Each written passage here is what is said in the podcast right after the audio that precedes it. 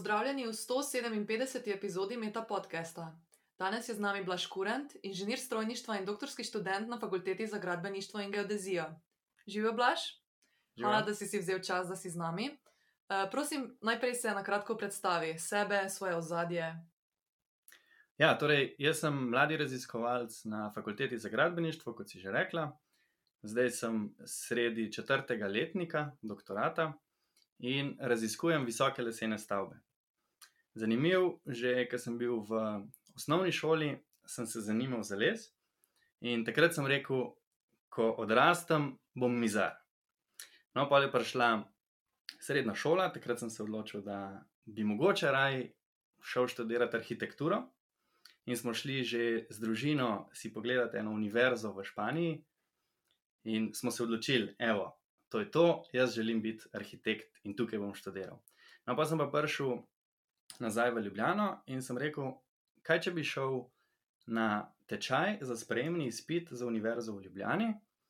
In takrat sem ugotovil, da arhitektura je čist preveč umetnosti in premalo tehnike. Jaz sem pa tehnik in sem rekel, kaj bi šel študirati, da bi bilo bolj tehnično. No, takrat je bilo v gradbeništvu, je bila lih kriza, mm. In sem rekel, najbližje temu je pa strojništvo. In sem šel po očetovih stopinjah in sem tam naredil prvo, pa drugo stopno, najbolj mi je bilo všeč mehanika, dinamika. No, zdaj sem se pa nekako po naključju znašel na doktoratu, ki zajema vse te tri stvari, moje strasti, les, stavbe in pa mehanika na fakulteti za gradbeništvo. Torej, nam lahko razložiš malo več o tem na ključu, ali si, se, uh, ali si iskal doktorski, uh, doktorski položaj na fakulteti za gradbeništvo, ali kako je prišlo do tega, da si iz strojništva presedlal na gradbeništvo? Pravzaprav ne, sploh, sploh nisem iskal. Če bi bila možnost, da bi ostal na strojni fakulteti na področju, ki bi me zanimal, bi sigurno ostal tam. Ampak v tem trenutku se je odprla samo ta možnost, ki me je zanimala. In sem rekel, zakaj pa ne. Super, zakaj pa ne? zakaj ravno lesene stavbe? Ja, trend v zadnjih 20 letih se obrača v to smer, da se vedno več lesa spet uporablja v gradnji. Torej, včasih se je tega ogromno uporabljalo, ampak potem je, so armirano betonske prevzele večji delež.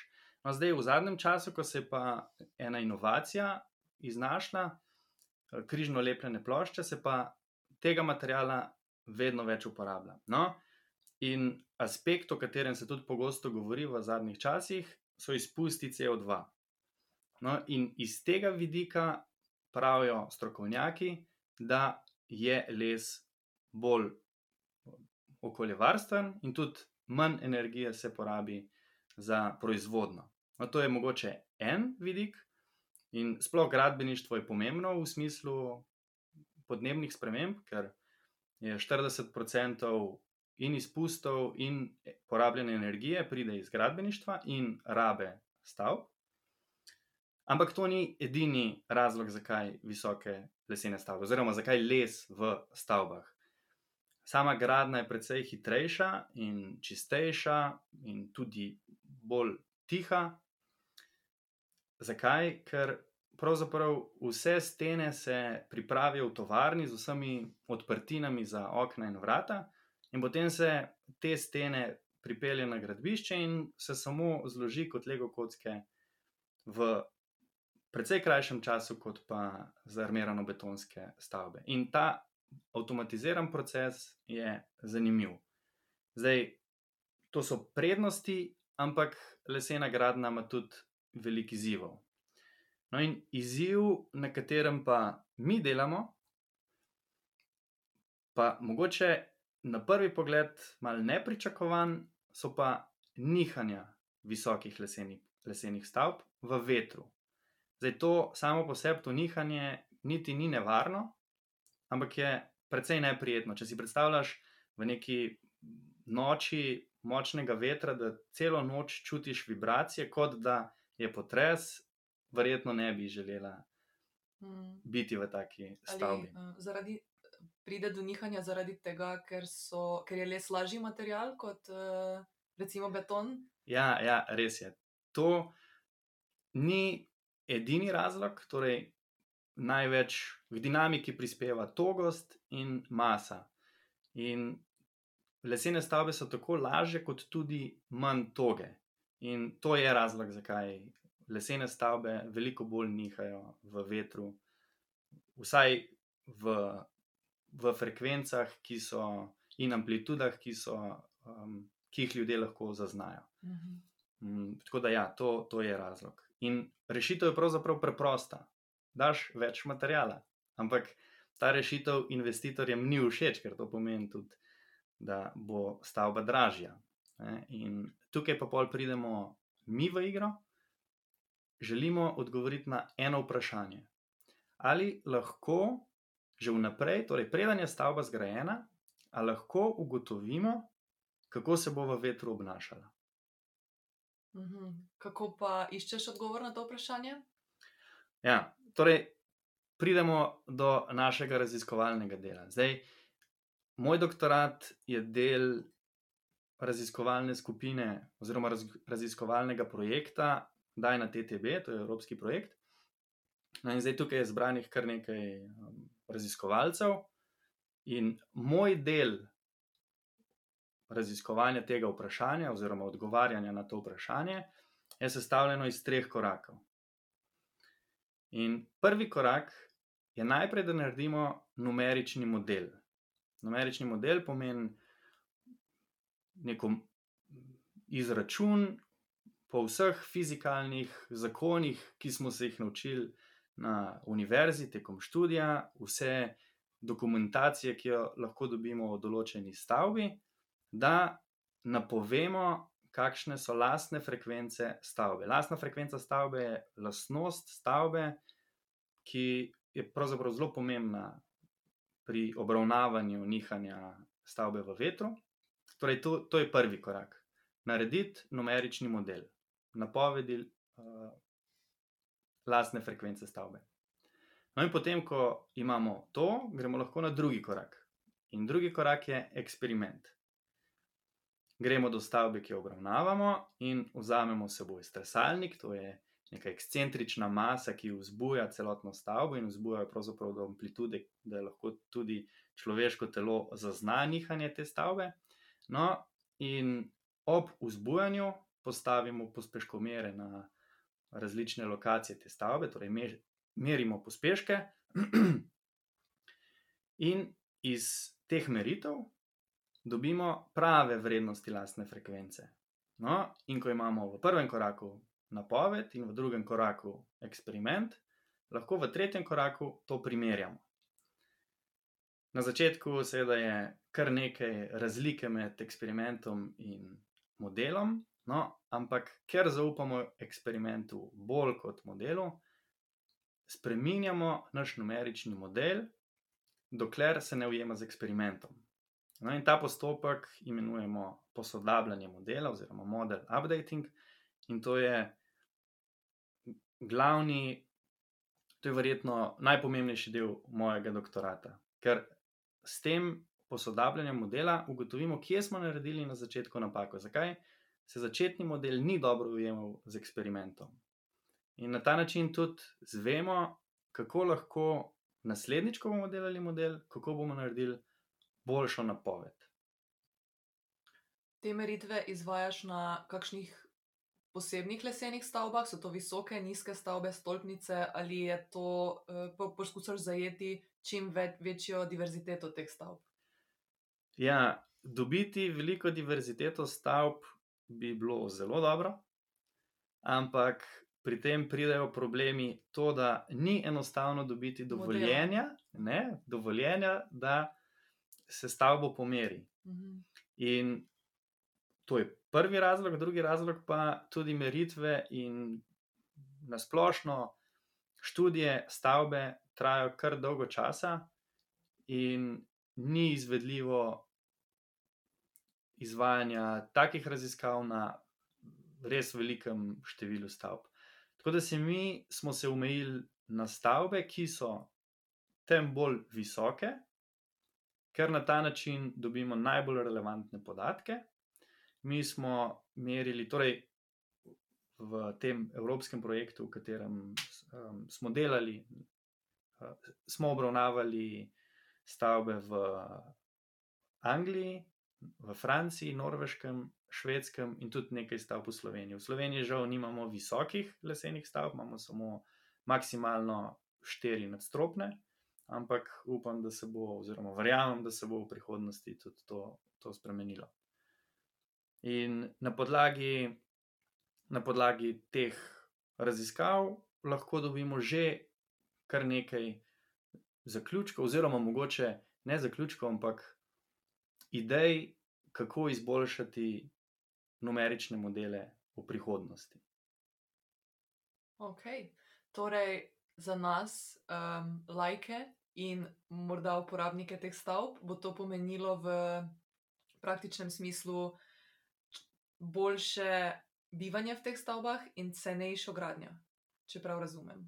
Ali verjetno ni tako preprosto. Indirektno bo res tako vplivalo. Ja. Ampak najprej naše raziskave, zakaj se v tem trenutku ne uporablja toliko lesa za gradno. Verjetno ključni razlog za to je, ker les še ni tako dobro standardiziran, kot so armirano-betonske in jeklene konstrukcije. In želja našega projekta je, da se raziskave, ki so potrebne za to, da se standarde vzpostavi, da naredijo neke preliminarne študije. In seveda te naše raziskave niso dovolj za to, da se postavi standard, in bo tem raziskavam treba slediti še kar nekaj naslednjih in bolj podrobnih, ampak v smeri z, z raziskavami v tej smeri, če pridemo do standarda, oziroma ko pridemo do standarda, sigurno se bo to zgodilo, bo se več projektantov odločalo za les kot konstrukcijski material, ker v tem trenutku, če želi projektant izbrati les, potrebuje veliko več izračunov, kot pa za armirano betonske, veliko več odgovornosti, ki leži na projektantu. In potem, ko bo standard vzpostavljen, bo za projektante veliko lažje. In to pomeni, da bo več lesenih stavb v prihodnosti, ko ko bodo standardi vzpostavljeni, in naše ugotovitve, upam, da bodo res tudi pripeljale do tega, da bo bivanje v teh stavbah bolj prijetno. Oziroma, sem siguren, da bo tako. Kateri les pa se največ uporablja za gradnjo in zakaj? Ja, najbolj pogosto se uporablja smreke, ampak oziroma tudi ostali, ostali mehak les, ampak se raziskuje tudi uporabo, možnost uporabe trdega lesa. V tem trenutku mogoče to ni toliko zanimivo, ker vsa mehanizacija je prilagojena na mehak les in trd les nekako poškoduje trenutno orodje in bi, bi bilo potrebno to posodobiti. Ampak glede na vsebnost um, ostalih vrst lesa v naših gozdovih, je smiselno tudi razmisliti, če slučajno ne bi, oziroma z, z dodatnimi raziskavami in z dodatnim napredkom, se lahko tudi uh, poveča uporaba ostalega lesa.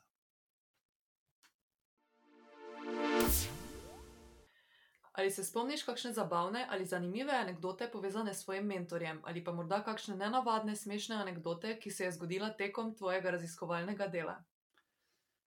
Ja, čeprav sem zelo dober na doktoratu, se mi zdi, da toliko enih smešnih anekdot se mi ne zgodi. Ampak se spomnim, še preden sem začel z doktoratom, sem bil na razgovoru z mentorjem, torej takrat potencialnim mentorjem. In sva govorila o tem, kaj projekt zajema in kakšni so naši cilji, kaj želimo početi.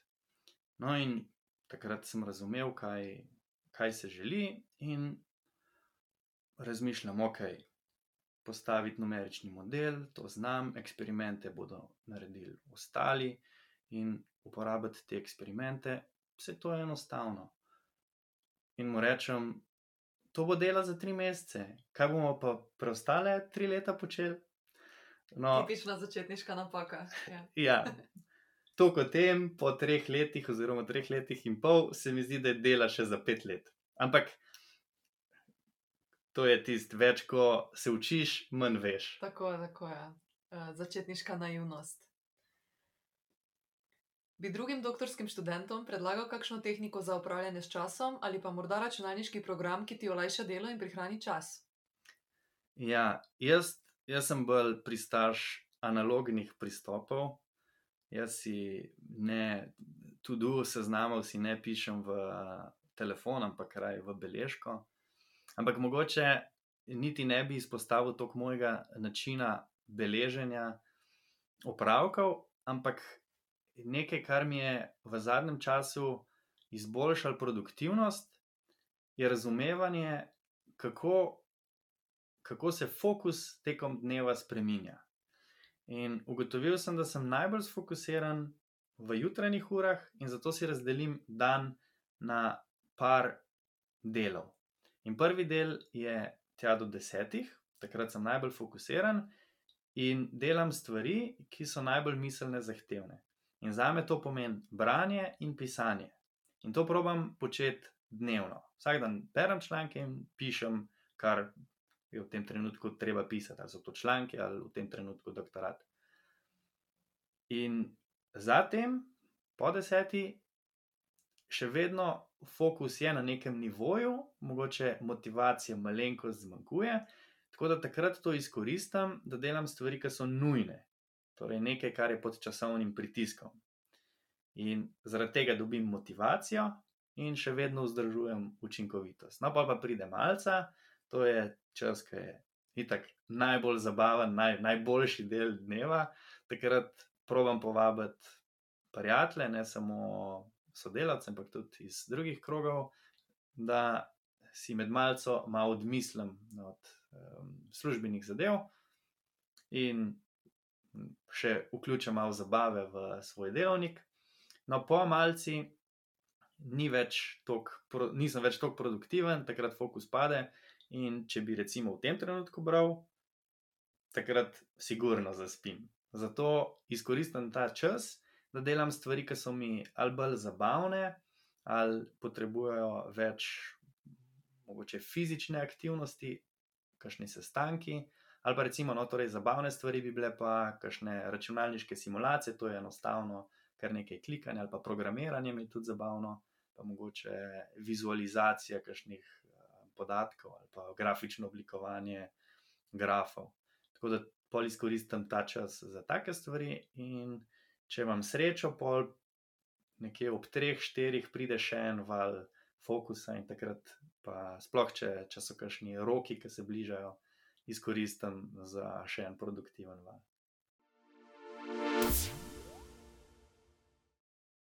Si v zadnjem času prebral kakšno dobro knjigo, pogledal kakšen dober film, spletno stran ali poslušal podcast? Ok. Rad in berem in gledam, mogoče ne toliko filme, še raj serije. In kakšno priporočilo, evo, pa mogoče lahko dam pa če lahko promoviram slovence, bom, bom probo narediti to. Eh, knjige v zadnjem času, kar, kar raj kot berem, poslušam avdio knjige, ampak eh, pa tukaj ne najdem prav veliko slovencev, da bi, bi imeli avdio knjige na tej platformi, ki jo jaz uporabljam. Tako da se spomnim še iz mogoče izpred desetih let, sem bral kar nekaj o vlaganju in ekonomiji. No, in takrat sem najdel eno knjigo od slovenskega avtorja Robert Rolih, The Million Dollar Decision. In to je kratka knjigica z osnovnimi pojmi o vlaganju, in sem si kar nekaj zanimivih konceptov zapomnil. To bi bila knjiga, Kar se filmov tiče, moram reči, da nisem niti tak filmofil, da bi tako užival v samih filmih. Filme bolj uporabljam za to, da odmislim težave življenja in raj poslušam, raj gledam kakšne komedije. In zato tudi moja, um, evo, moja, moj izbor filma bo slovenski, od Mitja Okorna, tu pa tam. Se bi si želel kakšen bolj sofisticiran odgovor dati, ampak to je najbolj iskren odgovor, ki ga lahko dam. Nisem še Sproščene. pogledala, tako da ne morem soditi. Sproščene komedije, to je, to je nekaj, kar je meni najbolj všeč. In tudi, recimo, v, v gledališče grem raj kot kakšno dramo, si pogledati stand-up komedijo. In tukaj mi je najbolj všeč, kakšen Ranko Babič, njegove komedije so mi kar všeč, recimo Moška copata mi je bila zelo dobra. No, in tudi zaradi tega, ker mi je stand-up komedija všeč, rad poslušam podcast, a res tega ne veš. To je naslov. A res tega ne veš. Od katerega ustvarjalca? To sta pa Sašo Stare in Aleš Novak, tudi dva stand-up komika. Tako da to, to je edini podcast, od katerega sem poslušal vse epizode, od prve do zadnje minute. Torej, rad se obkrožaš z veselimi stvarmi. To je pa res. Mm. Imaš kakšen predlog za izboljšanje doktorskega študija, kako bi ga mogoče aktualiziral? O tem je sedaj veliko govora, tudi v politiki. Jaz sem s kvaliteto študija, svojega študija, kar zadovoljen, ampak verjamem, da, je, da ima velik vpliv na kvaliteto študija mentor in pa ljudje, s katerimi si obkrožen, oziroma s katerimi sodeluješ. In evropski projekt, na katerem delam, no tukaj lahko rečem, da sem samo hvaležen in zadovoljen, da imam okoli sebe strokovnjake. Bi pa predlagal, mogoče ne, ne v smislu spremembe pravilnikov ali pa zakonodaje, ampak vsakemu doktorskemu študentu, da izkoristi možnost ali potovanj ali izobraževanj v tujini, sodelovanja z različnimi ljudmi, ker z več ljudmi, kot sodeluješ, več pogledov opaziš, vidiš in več se lahko naučiš. Tako da, če je kakšna aktualizacija doktorskega študija na, na mizi, predlagam, sigurno v tej smeri več sodelovanja, tudi s tujino, več upletenih ljudi, ki te lahko naučijo različne stvari. Katera stvar ti je tekom doktorata prinesla največ veselja ali izpopolnitve?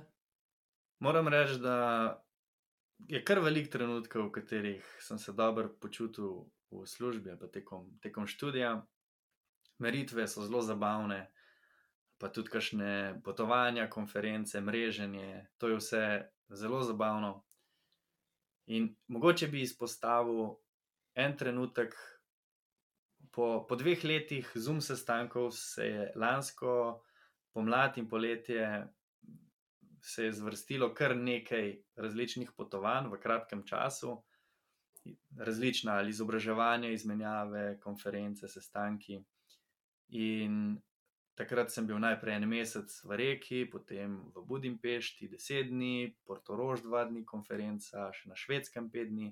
No, in na vseh teh potovanjih je bilo treba nekaj povedati, predstaviti, in meni je javno nastopanje izziv. Zato ta čas, čeprav je bil zelo prijeten, kar se potovanj tiče, še vedno kar nekaj izzivov. No? In zadnji od teh potovanj je bila Švedska, tam je, smo imeli neko konferenco in jaz sem imel predstavitev pred kakšnimi sto ljudmi. No, in to je, to je bila zadnja stvar v tem šusu, mogoče težkih izzivov ali pa um, bolj obsežnega javnega nastopanja. In ko sem upravil s tem zadnjim javnim nastopom, in takrat se mi zdi, da tudi sem dobro upravil. Sem se počutil tako sproščenega, in še naslednja dva dni, ko sem jih imel na voljo, smo imeli mogoče tudi malo več prosto, in švedska narava je res občudovanja vredna. To je neko mesto na severu Švedske, med samim gozdom, in to je bilo ravno 21. junija. No, na Midsummer. Tako, Mhm. Vsi so vzhičeni, ker končno imajo malo več sonca.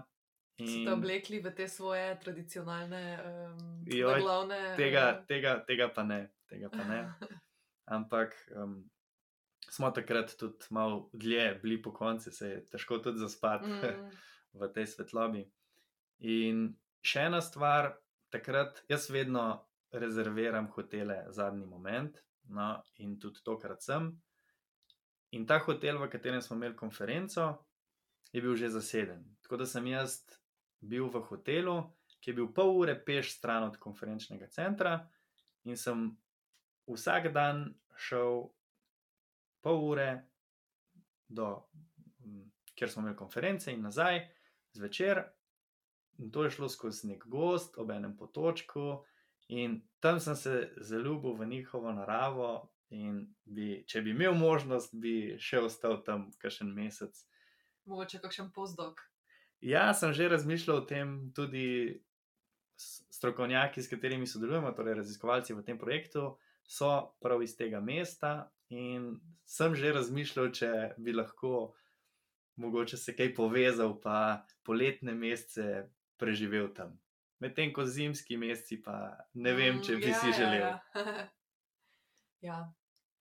Torej, če povzamem, da je doktorat izkušnja, ki te večplastno obogati. Absolutno, absolutno. Mhm. Sem velik zagovornik tega, da stvari, ki jih počneš, da ne zadovoljujejo samo ene potrebe, ampak več. Kakšen je tvoj način za spopadanje s stresom in morebitno negotovostjo, ki slejko prej pride tekom doktorata?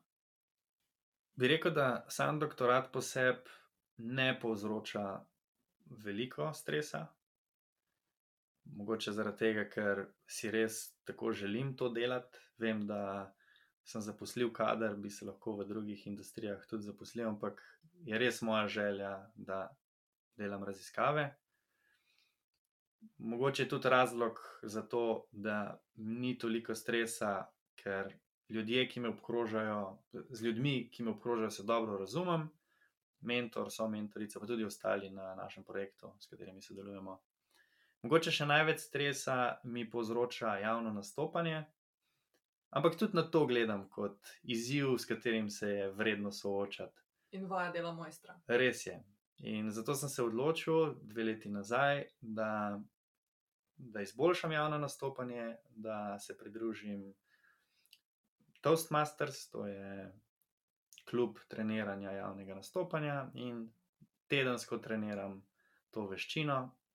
In moram reči, da v tem času sem se v tem kar izboljšal, pa mogoče ne, da nisem tako živčen, ampak velika razlika je v tem, da kljub temu, da sem živčen, povem svojo zgodbo.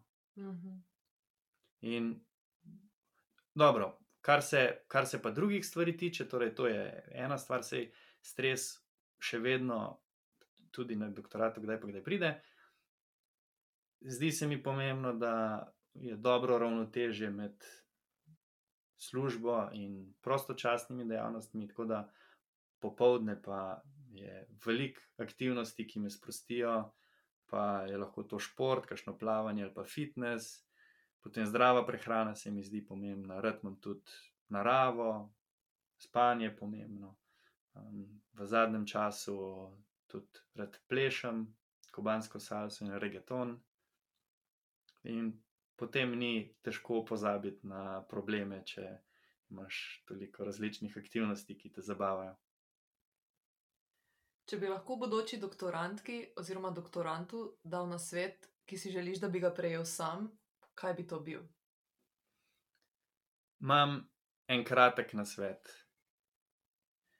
Veliko več je vredna ena dobra raziskava, oziroma en dober članek, kot pa veliko slabih. In se mi zdi, da je to v zadnjem času, ko je želja po veliki produkciji člankov, nam manjka želja po kvaliteti. In cenim transparentnost pri raziskavah. Rad imam, da raziskovalec v članku, če slučajno česa ne ve, da to pove. Da se ne olepšuje stvari in mogoče prodaja svoje članke bolj kvalitetne, kot pa dejansko so. In to bi bil moj nasvet. Postavi kvaliteto pred kvantiteto. Ja, dan danes je znanost postala že delno marketing, delno pa. Res je. In razumem, zakaj je tako. Mhm. Tudi raziskave je treba prodati mogoče na drugačen način, kot pa v drugih industrijah, ampak še vedno gre za borbo za denar, za financiranje raziskav. In seveda, če želiš delati raziskave, potrebuješ denar. Tako da Mm. Mi je jasno, zakaj je tako, ampak si želim sveta, v katerem bi bila kvalite- kvaliteta veliko bolj cenjena. Najlepša hvala, Blaž, in uspešno pri končanju doktorata. Še imaš dosti? Zdaj sem ravno v fazi, ko že razmišljam o vseh rokih za oddajo, ampak kar se pa tiče dokumenta, doktorat, pa še ni prav veliko napisano. Zdaj sem pri eni strani in pol. No, če so rezultati, bo tudi to slejko prej. Hvala. Hvala. Poslušali ste Meta podcast, podcast, v katerem se pogovarjamo z mladimi znanstveniki in znanstvenicami iz različnih področji znanosti. Podcast domuje na spletišču metinalista.si, kjer lahko najdete tudi druge poučne vsebine. Naše delo lahko podprete z donacijami Metini listi, pohvale, pripombe in predloge lahko posredujete na e-mail znanost.afnametinalista.si. Dobrodošli so tudi komentarji na Facebook profilu Metine liste in na Twitterju afnametina lista, kjer uporabite hashtag metapodcast.